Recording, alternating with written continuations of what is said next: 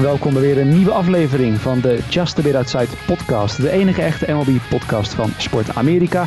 Met vandaag de grote American League preview. Vorige week namen we maar liefst twee delen de National League door. Mocht je hier dus niet geluisterd hebben, doe dat zeker. En zoek die nog even op en luister die terug.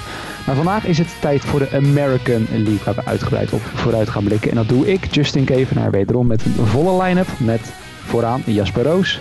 Een hele goede avond. Daarna Mike van Dijk. Hey. En last but zeker not least, Sander Grasman. Goedenavond. En uh, ja, we gaan dus de American League previewen. Maar net als vorige week uh, beginnen we toch eerst even met de belangrijke nieuws. Want het seizoen komt er bijna aan. Spring training duurt voort. En ja, zo tussendoor komt er wat uh, nieuws natuurlijk tussendoor. Wat ook zeker invloed heeft op het seizoen, Jasper. Want laten we daarmee beginnen. Met helaas ja, het meest deprimerende nieuws. In ieder geval voor honkballiefhebbers. En ook vooral voor White Sox fans zoals jou. Maar Eloy Jimenez, uh, ja, het nieuws rond zijn blessure. Dat kun je natuurlijk niet bewaren tot de White Sox preview. Dat is natuurlijk een uh, gigantische aderlating hè, voor het uh, seizoen van de White Sox. Zo vlak voor de start. Ja, Eloy vond het nodig om een, een, poging te doen om een home run. Die nou toch zeker een meter of vijf boven de muur het stadion uitvloog te proberen te, terug te halen door een sprongetje te maken over de zijn hand over de muur steken. En toen onderweg terug naar beneden bleef hij iets te lang hangen aan de rand van de, van de wall. En uh, heeft hij zijn pectoral muscle, zijn pectoral ligament, zijn borstspier gescheurd. En dat is een blessure die nou, in de NFL kost je die hele seizoen in honkbal uh, nou, vijf tot zes maanden. Mijn visie hierop is iets uh, pessimistischer. Ik zeg altijd minstens zes maanden, want dit is zeker voor honkballers die nogal veel met hun armen doen. Uh, geen, geen makkelijke blessure. Dus je bent uh, in één klap je, nou, een van je grootste wapens, 40 homeruns in je line-up kwijt voor nou ja, een half jaar. Dat is pak een beetje een heel seizoen. Dus dit is een absolute gigantische, gigantische aderlating voor het team. Dit is een aderlating voor de league. Want hij is gewoon ook heel grappig om naar te kijken en heel leuk om te kijken. Gewoon een goede honkballer. Ja. Maar bovenal natuurlijk gewoon een enorme... Ja, de lucht is wel even uit de positieve White Sox ballon. Ja. Ja, wat misschien, kijk, straks kunnen we daar misschien verder op gaan, maar even kort. Want ja, qua vervanging, staat dat er direct klaar dan? Nou, dat is een beetje nog een discussiepunt uh, binnen de organisatie ook. Uh, Rick Hahn, de GM, heeft gisteren gezegd... we gaan het uh, van binnenuit proberen op te lossen. Dat betekent dus geen Matt Camp, geen Johannes Cespedes... of geen andere free agent die nog toevallig beschikbaar is. Yasiel Puig werd al genoemd, maar die heeft nog een aantal... rechtszaken voor seksueel wangedrag boven zijn hoofd hangen. Dus dat lijkt me ook niet zo'n heel goeie. Hmm. dus dat betekent dat de club het van binnenuit zelf wil gaan oplossen. En dat zou op dit moment betekenen, zoals Tony La Russa gisteren zei. Uh, Andrew Vaughn start vandaag in linksveld. En Andrew Vaughn start voor de rest van springtraining zoveel mogelijk in het linksveld. En dat betekent dat de rookie die nog nooit boven single A heeft gespeeld... waarschijnlijk de startende linksvelder is voor de Chicago White Sox op 1 april. Hm dat uh, ja, brengt in ieder geval een hoop uitdagingen met zich mee. Maar laten we daar straks in de preview van de White Sox uh, zeker verder uh, over hebben. Dan was er wat contractnieuws, Mike. En daarvoor wil ik hem eerst aan jou geven wat betreft Lance McCullers, de 27-jarige werper van de Astros.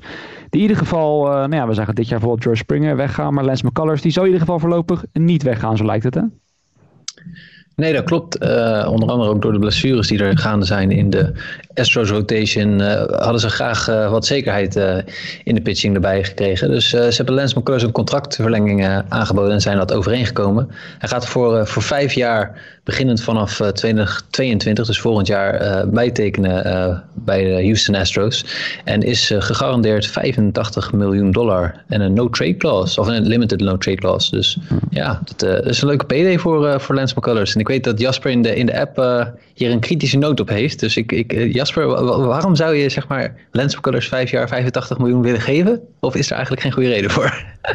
Ja, ik, ik vind het een beetje veel geld voor iemand die uh, nog niet zo heel erg veel heeft bewezen in de Major League. Het is een heel goede pitcher, hoor. we hebben het wel vaker over gehad. Hij kan, uh, kan aardig ballen, maar hij heeft gewoon een career ERA van 3,7. En hij heeft 500 innings gegooid in zijn carrière.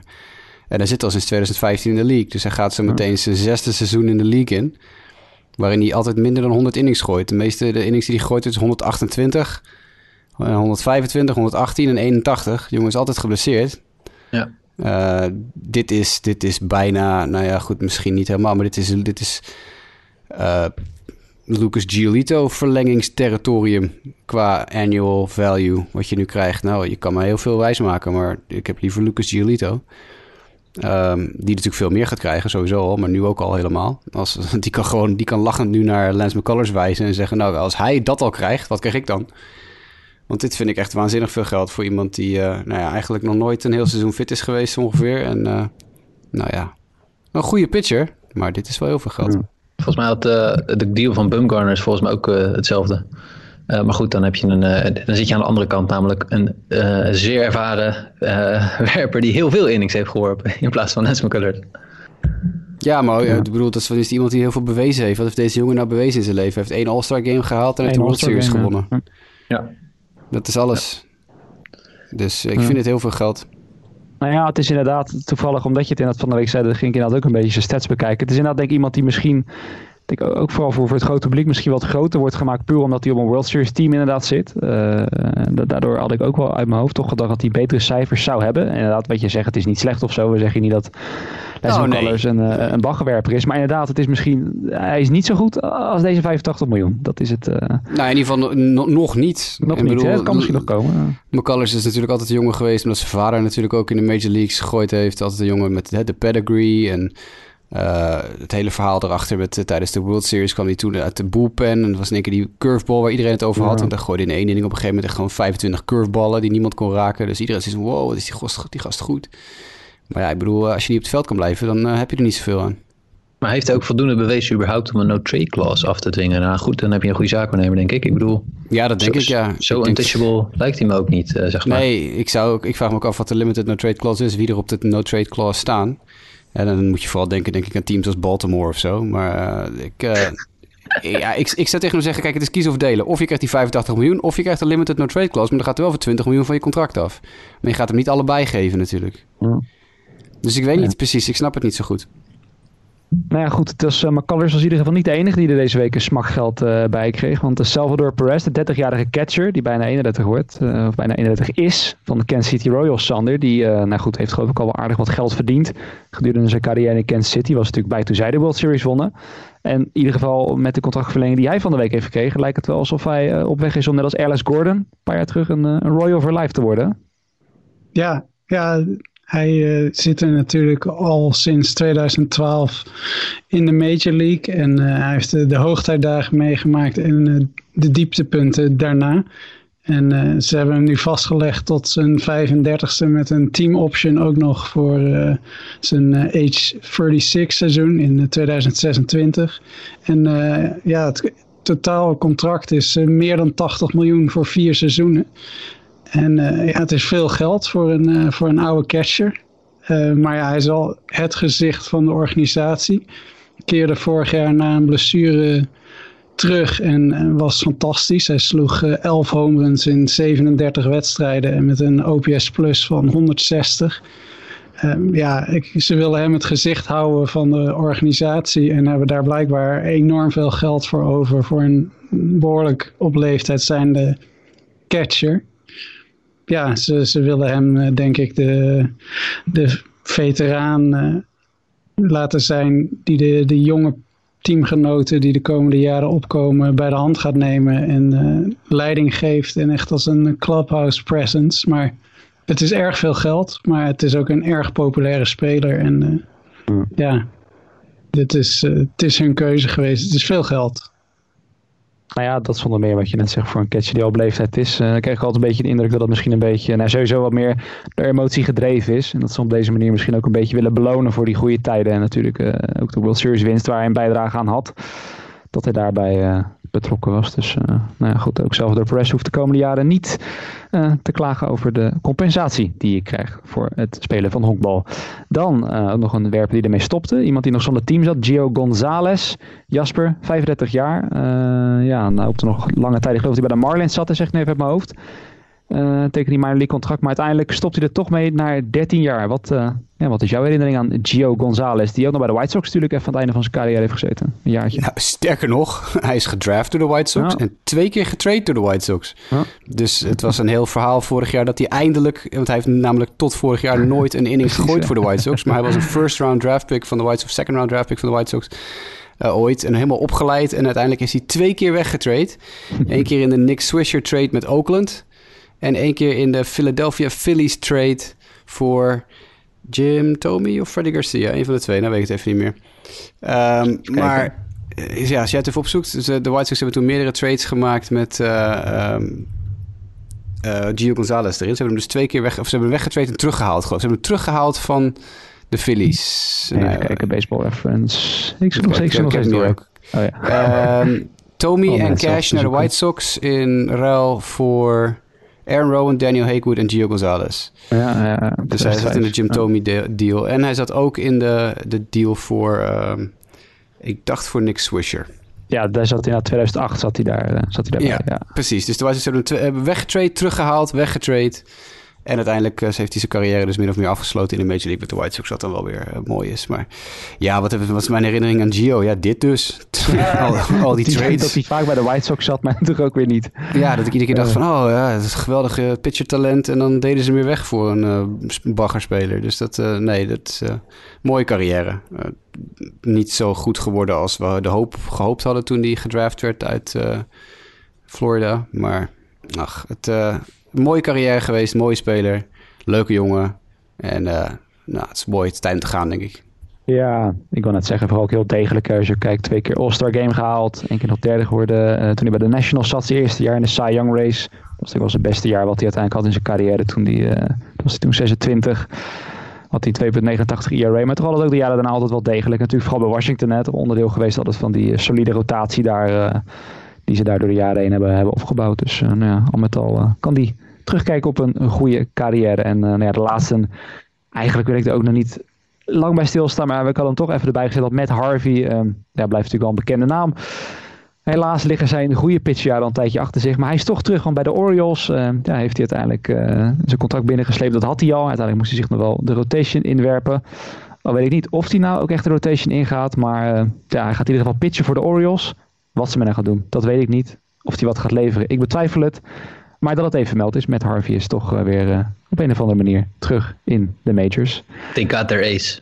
Ja, voor Orioles begrippen misschien wel, ja. toch, toch, toch bijzonder dat, weet je, er is wel plek voor Matt Harvey ergens in een roster. En niet voor Gio, voor Gio uh, maar ik denk dat Gio gewoon het, het genoeg vindt geweest. Maar als we zo meteen langs de teams gaan, dan valt me op dat daar Gio niet had misstaan, denk ik. Nee, nee, ik zie ja, bij de Orioles wordt er nu als vijfde starter inderdaad uh, gepind uh, van, die, uh, van die rotation. We gaan het zien met Harvey, 32 jaar. Gaan zien wat hij gaat brengen. Dan Mike, geef ik hem meteen door aan jou, want er is nog wel wat andere blessure nieuws. Eloy Jimenez was natuurlijk het grote nieuws. maar toch wel nog wat andere dingetjes van de week, die ook wel te benoemen waard zijn. Beginnen bij de Blue Jays, hè? Daar, daar ging wat een en ander mis.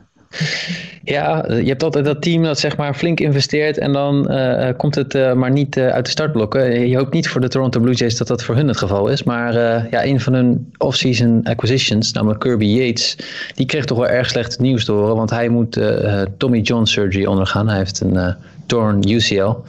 Uh, dus dat is wel een behoorlijke tegenvaller uh, voor de bullpen ook uh, van, de, van de Blue Jays. En daar bleef het niet bij. en ik heb hier in het laatste nieuws op zich niet van. Maar ik heb ook begrepen dus dat George Springer een oblique strain heeft. En dat is natuurlijk ook een tegenvaller. Dus ja, de, de, de nieuwkomers hebben even pech. Ja, en dan, en dan de rest. Je hebt natuurlijk ons man van medisch bulletin. Uh, over de overige namen die nog wat noemen waard zijn qua blessures. Ja, dus uh, we weten ook nog van de er is heel veel gebeurd wat dat betreft qua blessures. Maar uh, de Tampa Bay Rays, reliever Nick Anderson, die heeft een, een partial elbow ligament tear. Dus die gaat in ieder geval tot aan de All-Star break uit zijn. En bij de Texas Rangers is Jose Leclerc. Uh, die heeft uh, last van zijn elbow soreness. Dus die moet mogelijk ook Tommy John surgery. Uh, gaan we gelijk even door. We weten ook dat Zach Gallen van de Diamondbacks op dit moment nog een, een second evaluation heeft volgens mij van zijn elleboog. Zeg ik even uit mijn hoofd.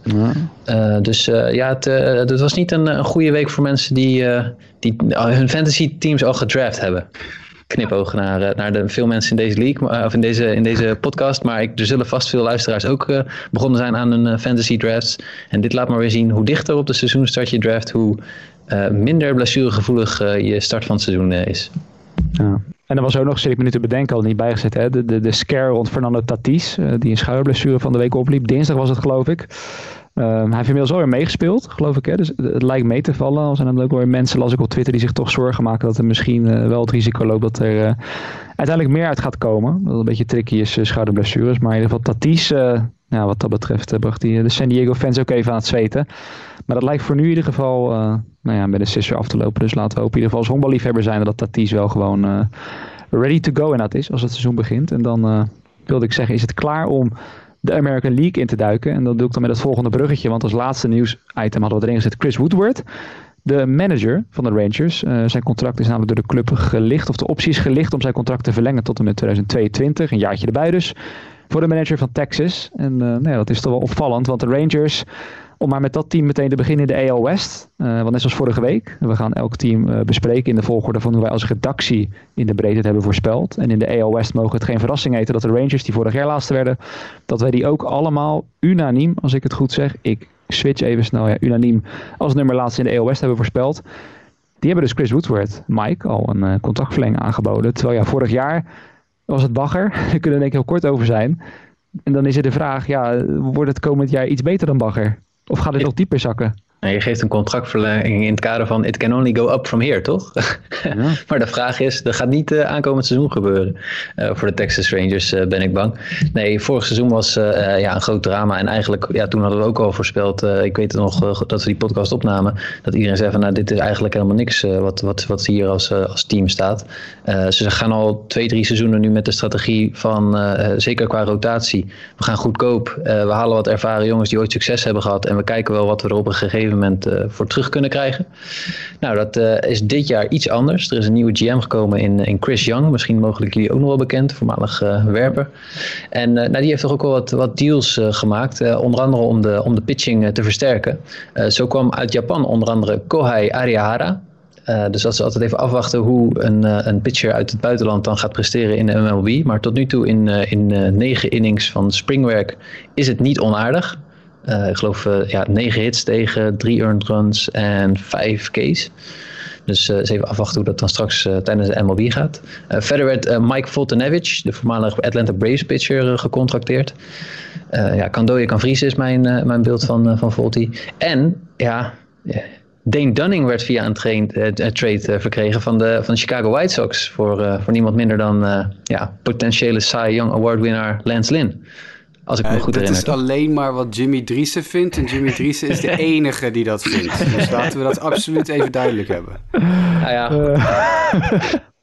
ik weet niet of ik, of ik Dane Dunning voldoende uh, uh, eer aan doe als we denken van misschien is het een toekomstig uh, Cy Young Award winnaar, dan heeft hij nog wel een lange weg te gaan. Maar dan heb je samen met, met Kyle Gibson en, en Jordan Lyles ja, toch denk ik wel weer een, een oké starting rotation te pakken. Maar met name ja, vorig seizoen de, de, de line-up was echt verschrikkelijk. zeg maar de Mendoza-lijn, de befaamde Mendoza-lijn van een 200 slaggemiddelde, dat werd vaak door veel spelers niet eens gehaald. Uh, dus dat was best wel bedroevend. En dan kijk je naar de line-up en de, en de free agents die ze gecontracteerd hebben. Ja, uh, ja er, zit, er zit gewoon weinig versterking bij. David Dahl is gekomen, de free agent van de Colorado Rockies. En via een trade werd wel Nate Lowe van de Tampa Bay Rays, een interessante slagman, voor, erbij gehaald. Maar verder zijn er toch nog steeds de namen die je eigenlijk al kent in, in, in Texas. Met Joey Gallo, die vorig seizoen totaal niet zijn, zijn slugging percentage haalde en een zijn power liet zien. Uh, Roof Nadodor zit er nog steeds. Ronald Guzman, Isaiah Falifa. Ja, ik, ik, ik verwacht toch eigenlijk niet dat dit team iets gaat uithalen in, in, in de EL West. En die zullen eigenlijk gewoon wel wel laatste gaan eindigen. Ook de, overigens, qua power werd nog wel Chris Davis van de uh, Oakland eh, Athletics erbij gehaald. Maar hij is uh, op dit moment uh, geblesseerd. En ja, Willie Calhoun is daar natuurlijk ook al jaren een, een, talent waar we veel van verwachten. Maar vorig seizoen zat het weer allemaal tegen met hamstrings, bal in zijn gezicht tijdens springtraining. En nu is hij opnieuw geblesseerd. Dus ja, de vraag is of Willie ooit nog gaat vliegen, zeg maar. dus dat... Dus ik, ik, ik, zie het niet goed, niet positief in voor komend seizoen. Maar ja, dat, ik denk niet dat jullie daar uh, een andere mening over hebben. Nee, het is, het is echt een verzameling spelers dat je ook zit te kijken van ja. Ik vind het wel grappig, want die Keiner Verleffa die aan het einde noemt, die dan dus als catcher is begonnen. Geloof ik vorig jaar ook veel derde honk speelde en nu gaat hij korte stop spelen. dus in twee jaar van catcher naar korte stop om uh, Elvis Andrews, die dus wegging in die Oakland deal, te vervangen. Benieuwd hoe dat, hoe dat gaat, maar ook ik zit ook die, die ja, ja. Ik zit die boelpen ook te bekijken. Er zitten ook echt gasten in. Wes Benjamin, Brad de Goose, de, de Geus in Nederland. De Geus, ja, ja, ja.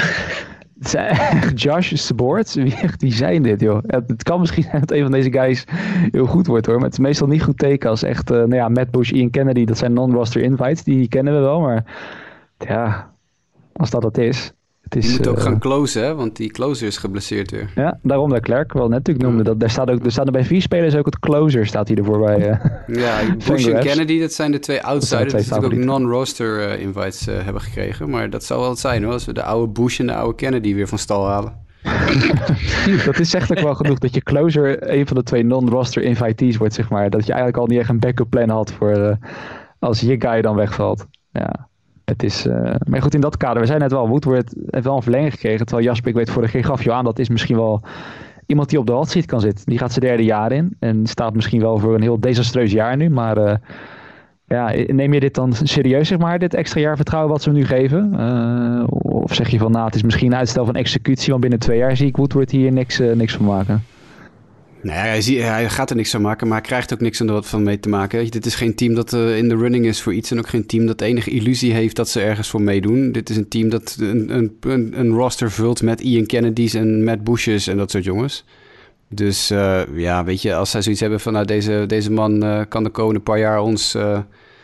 tijdens deze rebuild de boel een beetje op de rails houden, prima. Maar ik, ja, dit is natuurlijk dit is geen manager die je team weer competitief gaat maken voordat er ook maar een half redelijk team op het veld staan. Nee, maakt het wel... Uh, Moet ja, nog wel zeggen, zeg maar, zeker met zo'n met zo'n line-up. Uh, kijk, uh, het stadion is nu open en jullie hebben vorige week ook aangegeven, hier mogen massaal fans komen. Gaan ze komen voor dit team? Ik denk de eerste week nog wel, omdat baseball back is, maar ik denk dat het daarna ook snel klaar is. Krijg je Marlins aantallen? Uh, ik ben er, wel bang voor. Maar nee, de Rangers, ik zei het al, unaniem op de laatste plek voorspeld. Ik denk dat het inderdaad wel zo'n lang seizoen kan worden daar in het uh, zuidelijke Texas. Dan ook unaniem op de vierde plek door iedereen gesteld. De Seattle Mariners gingen vorig jaar 27-33. Eindigden daarmee net boven de Angels. Maar helaas, zelfs ondanks dat het playoffveld uitgebreider was dan ooit, haalden de Mariners weer de playoffs niet. 2001 inmiddels. Het is de langste drought in de grote vier Amerikaanse sporten van een team dat de playoffs niet heeft gehaald. Maar er is toch hoop. En ik als uh, nou ja, Mariners fan van de podcast wil dan toch even doorgeven waarom er hoop is. Want dit seizoen um, zal het inderdaad niet een contender worden of zo. Die playoffs hè, die gaan weer terug naar, uh, naar de originele plekken. Dus ook daarvoor gaan ze totaal geen rol spelen. Maar er is hoop. Hè. Dat is sowieso met de Rookie of the Year van vorig jaar Kyle Lewis. Die daar is, Mitch Haniger. Die waren we alweer helemaal vergeten. Maar die komt terug. En ik moet zeggen, wat we tot nu toe zien van Mitch Haniger in spring training dat ziet er goed genoeg uit. Kyle Seager is er nog steeds. Er komen allemaal andere talenten aan. JP Crawford op korte stop, die het vorig jaar heel aardig deed. Dus kortom, op het veld, als ik het vergelijk met de Rangers, staat er al veel meer nuttigs op. En ook veel meer talent waar ik in ieder geval, al ben ik een beetje biased, meer geloof in heb. De rotation, wederom aangevoerd door Marco Gonzalez, die gewoon heel decent is. Het is geen absolute ace, maar toch ook vorig jaar in veel categorieën behoorde. Die tot de top 10 in de American League. Het, uh, het is niet iemand waarvoor je misschien per se wakker blijft s'nachts om een game te pakken. Maar hij uh, levert uiteindelijk wel goede resultaten. James Paxton die terug is. Vooral bidden dat hij fit blijft. En uh, daarachter dan de jonkies als Justice Sheffield en Justin Dunn. Ook daar weer wat jeugd van het hoop is dat ze zich ontwikkelen. En ja, de rotation, dat was vorig jaar brandhout. Ik weet niet of het nu veel beter is dan, uh, dan brandhout. Want vorig jaar was alleen de Phillies bullpen en de Rockies bullpen slechter. Nou, als je in dat rijtje staat, dat is beslist niet goed. Maar waar ik dan vooral naar uitkijk, uh, ja, dat zijn dan toch de talenten die er misschien nog niet eens zijn. Want Jasper, misschien uh, jij als prospect watcher, dat ik hem jou daarna dan even door wil geven. Want Julio Rodriguez en Jared Kelenic, natuurlijk twee jonge outfielders, waarvan Kelenic mogelijk later dit jaar komt. Rodriguez verwachten ze volgend jaar pas. Allebei top 10 prospects in de MLB. En ook toch ja, een contingent aan jonge werpers zoals Logan Gilbert, Emerson Hancock, George Kirby. Allemaal de afgelopen drie jaar na elkaar in de eerste ronde gedraft. Uh, ja, drie werpers die nu in ieder geval te worden gezien als talenten voor de toekomst. Uh, ja, hoe, serieus zijn deze talenten die eruit komen? En is het ook terecht dat Mariners fans als ik echt hoop hebben op de toekomst? Misschien niet voor nu, maar voor over drie à vier jaar. Ja, met Kellenic en Rodriguez absoluut wel. Rodriguez staat ook echt een ontzettend goede spring training te, te spelen. De Kellenic is vooral heel goed begonnen. Is nu een beetje uitgeleveld. Maar ja, dat zijn twee, twee jongens die... Dat zijn franchise-altering spelers. Dat zijn spelers die in één klap een, uh, een organisatie weer op de goede, de goede richting in kunnen, kunnen zetten. Ik ben persoonlijk niet zo'n heel super grote Logan Gilbert fan. Maar het is een goede pitcher. Maar ik vind het niet dat je denkt van... Nou, dit is de volgende Justin Verlander of zo. Dat heb ik bijvoorbeeld meer met Emerson Hancock. Alleen Emerson Hancock heeft wat uh, ja, lichte pijntjes zo nu en dan... waar hij wat last van heeft.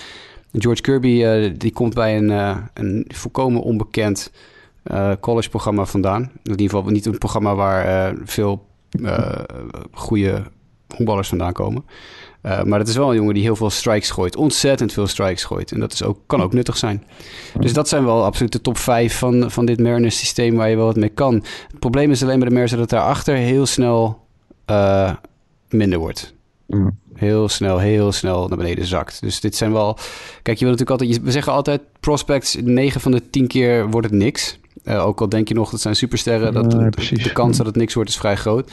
Als je er dus maar nou ja, twee veldspelers en drie redelijk goede pitchers hebt, dan moeten ze dus alle vijf hitten om dit succesvol te maken. En ik denk niet dat ze alle vijf gaan hitten. Uh, en Rodriguez allebei zijn zo goed als shoe-ins voor sterrendom of in ieder geval bovengemiddelde major leaguers.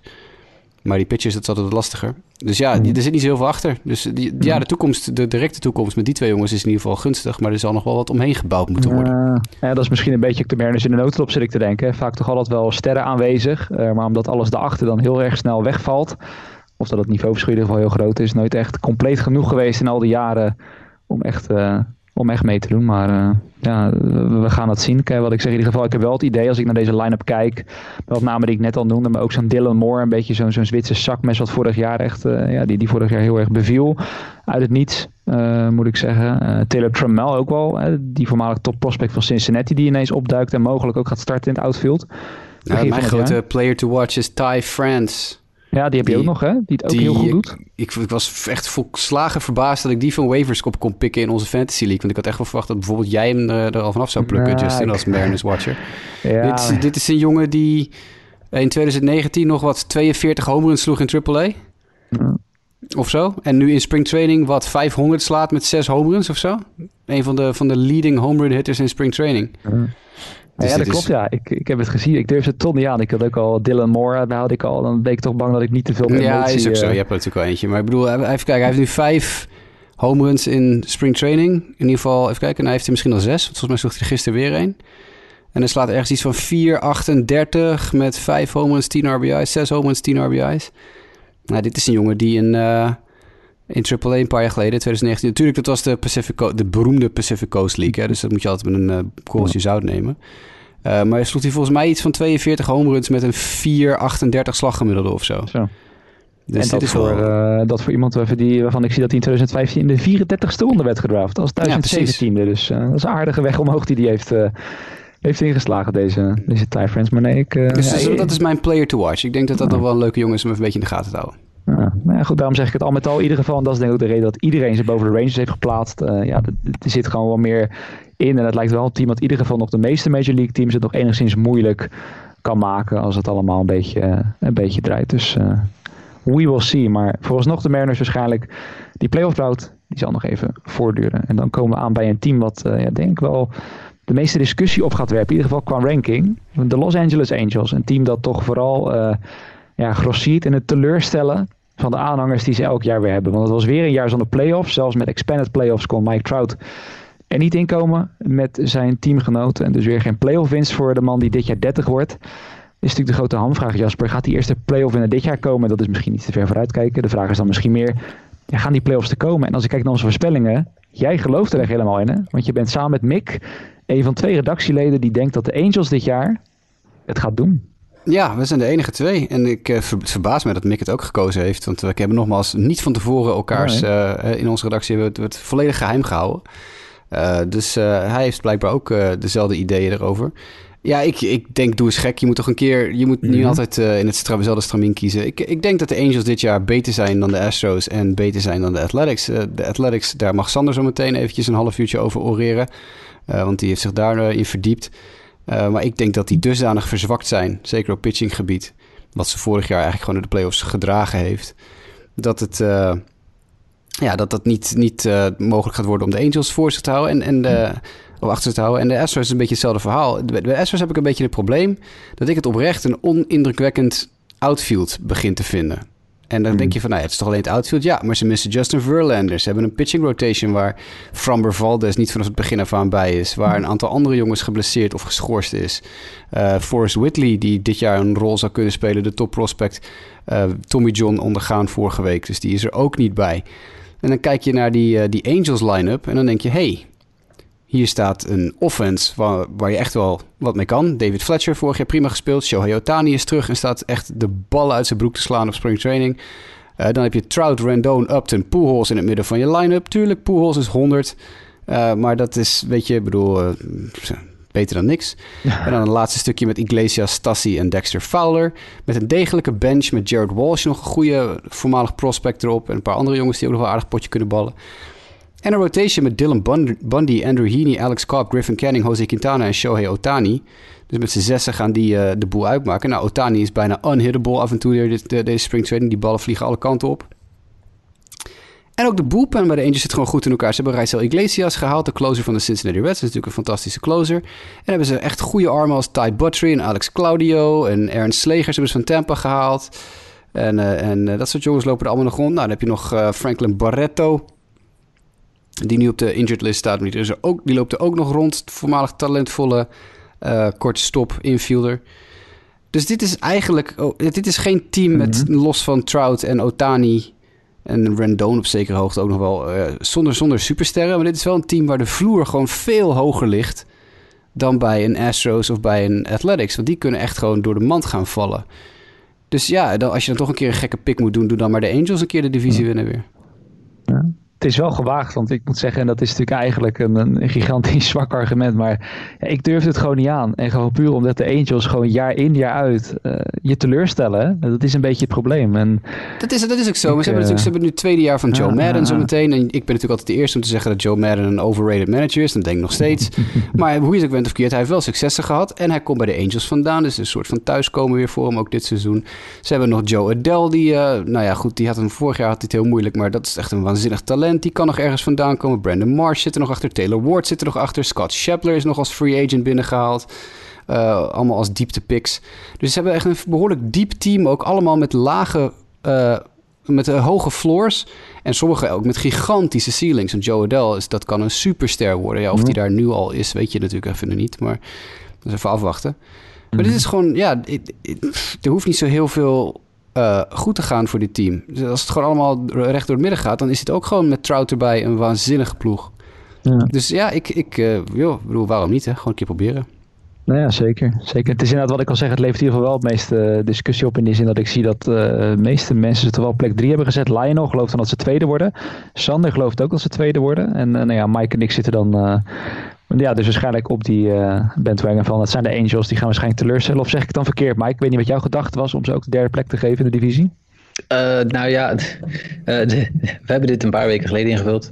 Als je nu kijkt, denk ik inderdaad met wat blessures erbij. Misschien is het anders. Ik, ik, ik, ik ben juist een fan van Joe, Joe Madden. Maar dat, dat is de. En ik, er zitten hier ook veel spelers in waarvan ik denk van nou, ik, ik denk dat ze het echt in zich hebben. maar ik heb er gewoon ook inderdaad, wat, je, wat jij ook hebt, van ja, het, het zal het gewoon denk ik net niet zijn. Dus uh, ja. ik, ik, had niet het gevoel dat zij een hele grote stap uh, vooruit hebben genomen deze, deze wintermaanden qua uh, wat ze hebben gedaan. Nee. Goed, laten we dan doorpikken tot slot uh, Sander. Want hierna geef hem voor jou voor de Oakland Athletics. Maar ja, jij hebt ze al als tweede gezet. jij gelooft er dus wel echt iets meer in. Denk je ook echt dat ze, inderdaad zoals Jasper zegt, echt wel die eerste plek kunnen pakken? Ook al heb jij ze als tweede ingevuld? Ja, ja ik, denk, ik denk het wel. Ik, ja, ik schat ik verwacht al van iemand als Alex Bregman en, en Correa. En ik, ik denk dat de slagploeg van de Astros uh, nog net iets, uh, iets beter is. Maar ja, er hoeft maar iets mis te gaan. Of Bregman moet gewoon die slump waar hij in zit uh, niet uitkomen.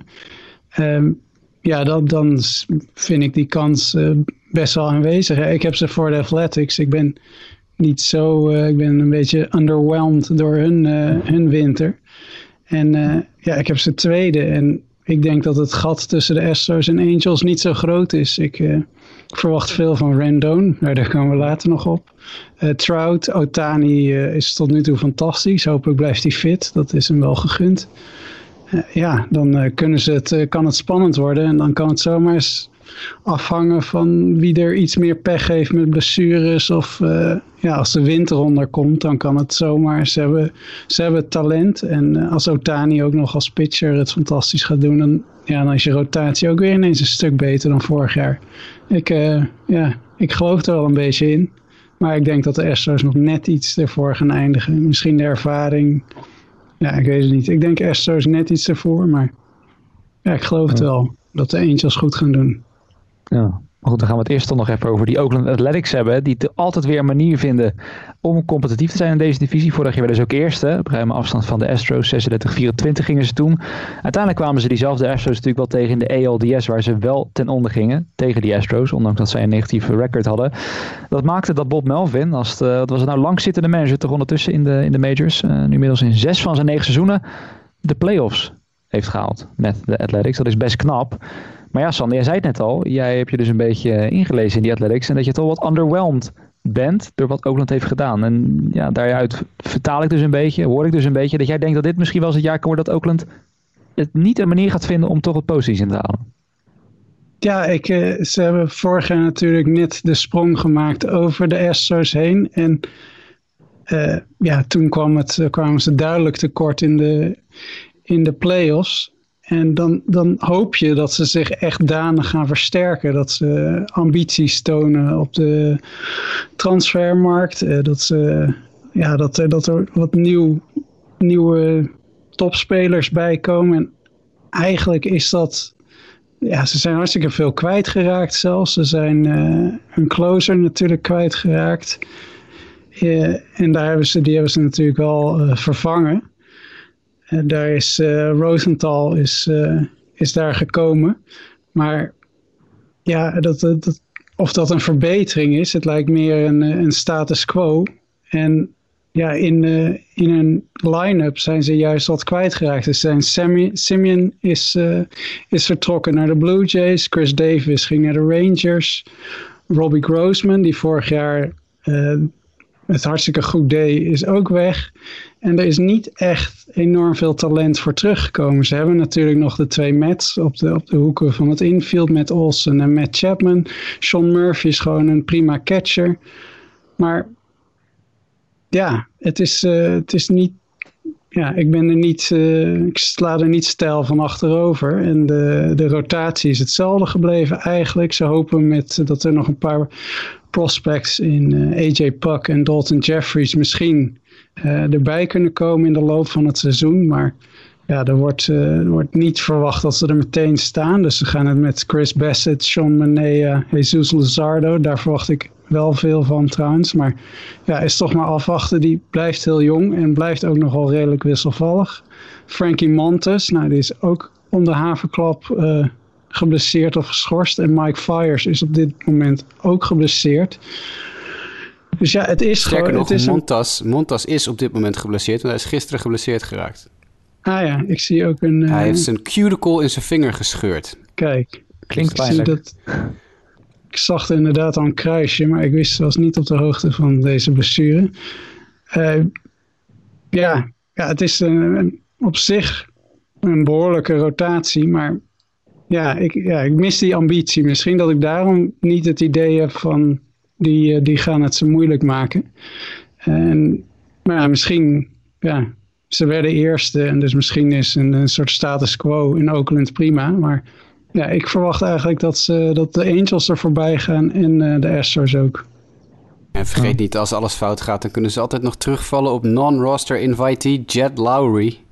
ja, die er weer, uh, die er weer is dat heel laag op de depth chart. Nou, uh. dat kan ik wel zeggen, ja. Maar er is wel één iemand die ik wel even interessant vind om, om in de gaten te houden dit seizoen. Dat is James Caprillion. Dat is misschien een naam die we niet zo heel veel genoemd hebben nog. Uh, James Caprillion is een pitcher die ooit bij de Yankees in het systeem speelde en toen in, een, in de trade heeft gezeten. Uh, een, een, trade heeft gezeten, hou me even de goede welke. Waaronder ook, onder andere ook een paar andere jongens die eh, prospects in zaten waarvan je later denkt van... oh, hebben we daar nou ooit nog wat van gehoord? En nee dus. Um, maar James Caprillion is een ex-Team USA honkbalweek pitcher... die op de honkbalweek echt waanzinnig goed gooide. En toen geblesseerd is geraakt en veel blessures heeft gehad. En die lijkt weer fit te zijn. En als die een beetje op zijn oude niveau kan komen... is dat iemand van wie de A's nog wel eens een keer zouden kunnen zeggen... hey, kom jij maar eens even naar de Major League... om uh, de nummer 5 positie in onze rotation uh, op te vullen. Want inderdaad, wat Sander zegt is waar. Het is Bassett, Luzardo, Manaya en Montas. En uh, gooi maar een muntje op voor wie de vijfde starter is. Dus mm-hmm. ze kunnen wel iemand, iemand gebruiken daar. Of het nou Jeffries wordt of Puck of Caprillion. Fires als die weer terug is... Het, uh, het, wordt wel interessant. Ja. ja, het is inderdaad wel, dat maakt ook wel heel erg bijzonder, zit ik na te denken. Hoe de Angels juist wel elke keer veel geld tegen aansmijten. Echt eh, alles proberen om maar hoog te komen in de divisie. En dat de Athletics ondertussen, die misschien niet altijd evenveel ambitie tonen, toch altijd een manier vinden op een of andere manier om, uh, ja, om daar bovenin mee te blijven doen. Natuurlijk, we hebben nog steeds sterkhouders wel. Ik denk dat dat ook wel de reden is dat je toch ziet dat hè, onder andere ik, eh, Jasper en Mike ze dan wel op plek 4 hebben gezet. Uh, ook Dennis zie ik heeft ze op plek 4 gezet. Maar inderdaad, Sander en Lionel hebben dan wel minder vertrouwen erin met Mick. Jasper niet twee zegt dat Jasper ze op plek 4 had. En Jasper heeft ze... Oh ja, ik bedoel, uh, het ben natuurlijk door de punten in de Je hebt ze vier punten gegeven voor vier punten gegeven, ja precies. Ja. Dat geldt ook voor bij Mike inderdaad. Dus ja, gewoon, en dat is bij mij dan ook vooral gewoon dat, dat gegeven. En dat is ook net zoals bij de Angels een best zwak argument. Maar gewoon de Athletics op een of andere manier, ze vinden altijd een manier om met bijvoorbeeld, je noemt net zo Caprilli, om met, een gast te komen waarvan de meeste mensen denken, wat, wie, wie is dit? En dat werkt dan ineens op een of andere manier. Ook dat die Chris Bassett, die dan ineens nu nummer 1 starter is, dat je denkt van ja oké, uh, Chris Bassett. En uiteindelijk dan ook gewoon een, een, aardig goed seizoen draait, wat dan goed genoeg is om ze competitive te maken. Het is... Uh, het is apart hoe dat werkt in Oakland. En ook dit jaar, ik heb toch het vertrouwen in dat ze het uh, gaan flikken. Maar aan de kant, het verhaal net van Jasper natuurlijk, onder andere over de Angels, uh, kan het ook weer niet verbazen als de Angels dit jaar toch over de Athletics heen gaan wippen. Want het talent op papier is het denk ik zeker meer bij uh, de Angels van Los Angeles of Anaheim, hoe je het ook wil noemen. Dan tot slot, want uiteindelijk in deze divisie, die in ieder geval tot veel verdeling leidt binnen de redactie, kwamen de Astros toch uiteindelijk bovenaan uit. Onder andere ik en Mike hebben ze op plek 1 neergezet. Sander ook op plek 1. En Jasper, jij had ze dus op plek 3 gezet. De Houston Astros. Um, ja, Mike, vorig jaar bijna een unicum. Hè? Negatief record. En toch één wedstrijd verwijderd van de World Series. Stiekem toch wel blij dat dat niet, uh, niet gebeurd is. En ja, George Springer mag dan wel weg zijn. Maar veel van de overige kern blijft over. Je hebt ze op plek 1 gezet. Um, ja, zeg het maar. Het is eigenlijk het Astros team wat we kennen. Ja, precies. En we hebben denk ik uh, tussen de, regels door de afgelopen uh, half uurtje denk ik wel best wel veel gezegd over wat er veranderd is voor de Astros eigenlijk dit, uh, dit offseason. Inderdaad, Springer is weg, Brantley is gebleven. voor de rest is die line-up eigenlijk niet gewijzigd. Om nog even de, de namen te noemen van het outfield waar Jasper het eerder over had. Ja, dat zijn dus Brantley, Kyle Tucker en, en Miles Straw. Die op allemaal wel een, een redelijke spring op dit moment beleven. maar met name ja, de, de starting rotation is toch wel een, een, ja, een belangrijk punt of het gaat uh, maken of breken voor, uh, voor de Houston Astros. Zach Greinke natuurlijk, Lance McCullers Jr. en dan heb je natuurlijk Jake Odorizzi die ze net gecontracteerd hebben. ja, en de tegenvaller is dat uh, Framber Valdez een, een handblessure heeft, waardoor hij, of in ieder geval een, gebroken vinger heeft, waardoor hij in ieder geval de begin van het seizoen en enige tijd zal gaan missen. En JV, Justin Verlander, die natuurlijk nog steeds op de weg terug is van Tommy John surgery, maar die we dit seizoen gewoon niet gaan zien, is de verwachting.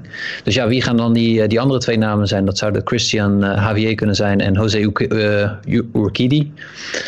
Um, ja, is dat dan imponerend genoeg om de AL West te winnen? Nee, ja, ik, ik, ik, ik weet het niet. Um, eigenlijk wat, wat mijn conclusie is, op basis ook van de verhalen die jullie net zeggen over die andere teams. We zitten hier gewoon te kijken naar de NL Central van de American League. Het zijn drie teams die eigenlijk relatief gelijkwaardig zouden kunnen zijn. Niet, elkaar niet heel veel ontlopen. Waarbij eigenlijk de Astros en de Athletics een stapje terug doen uh, ten opzichte van hoe sterk ze vorig jaar waren.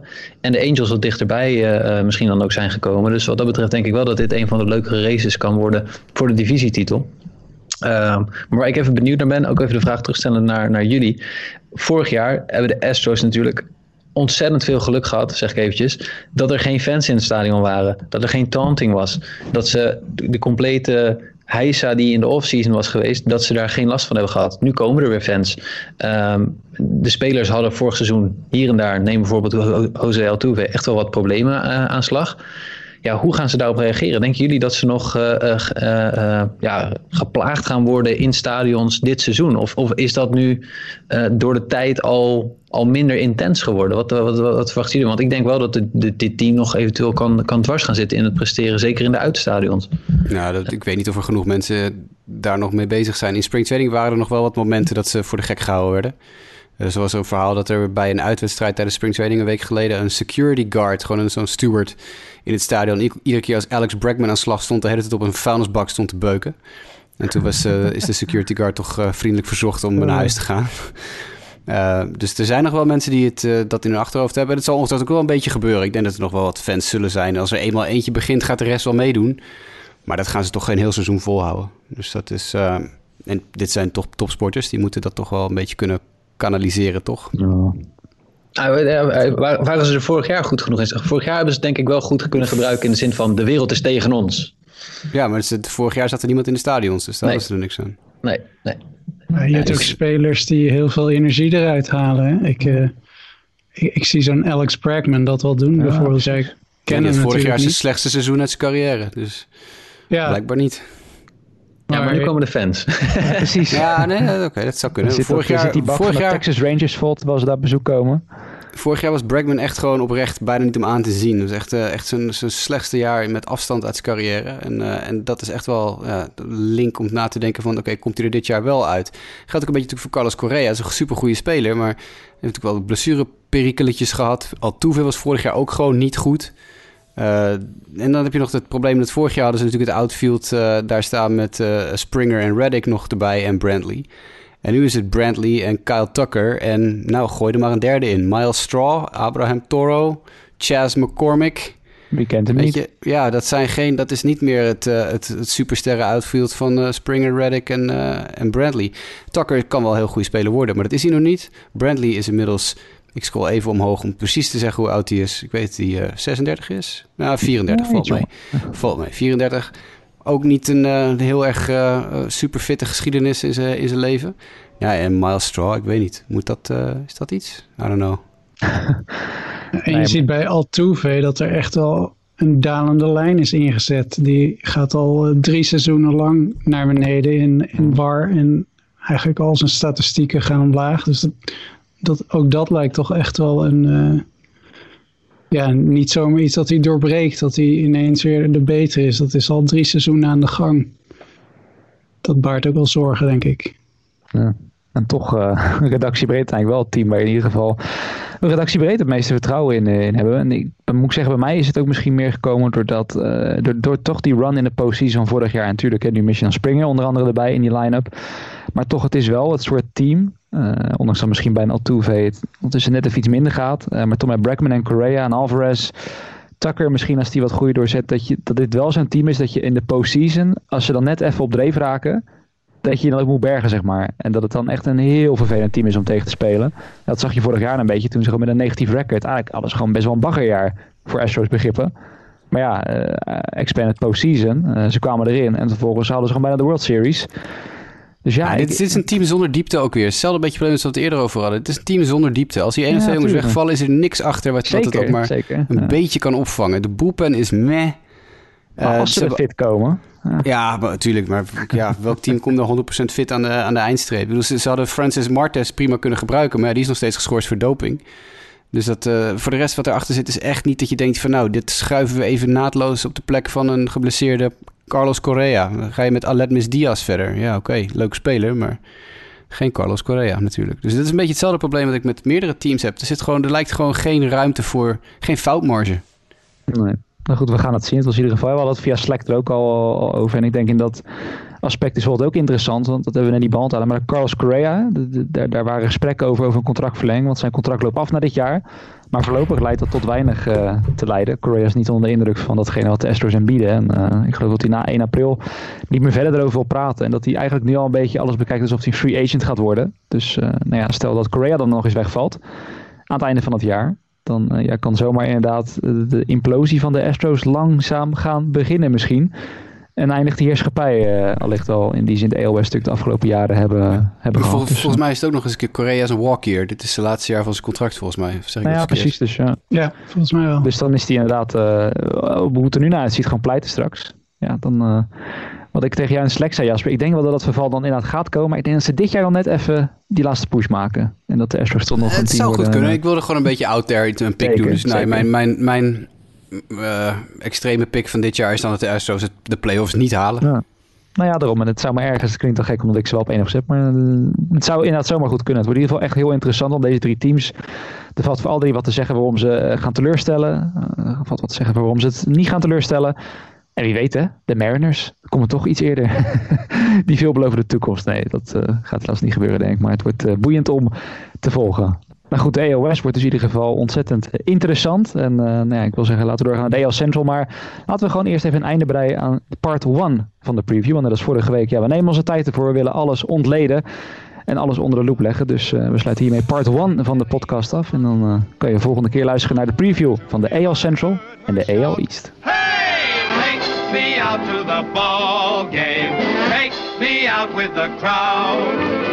Buy me some peanuts and cracker jack. I don't care if I never get back. Let me root, root, root for the home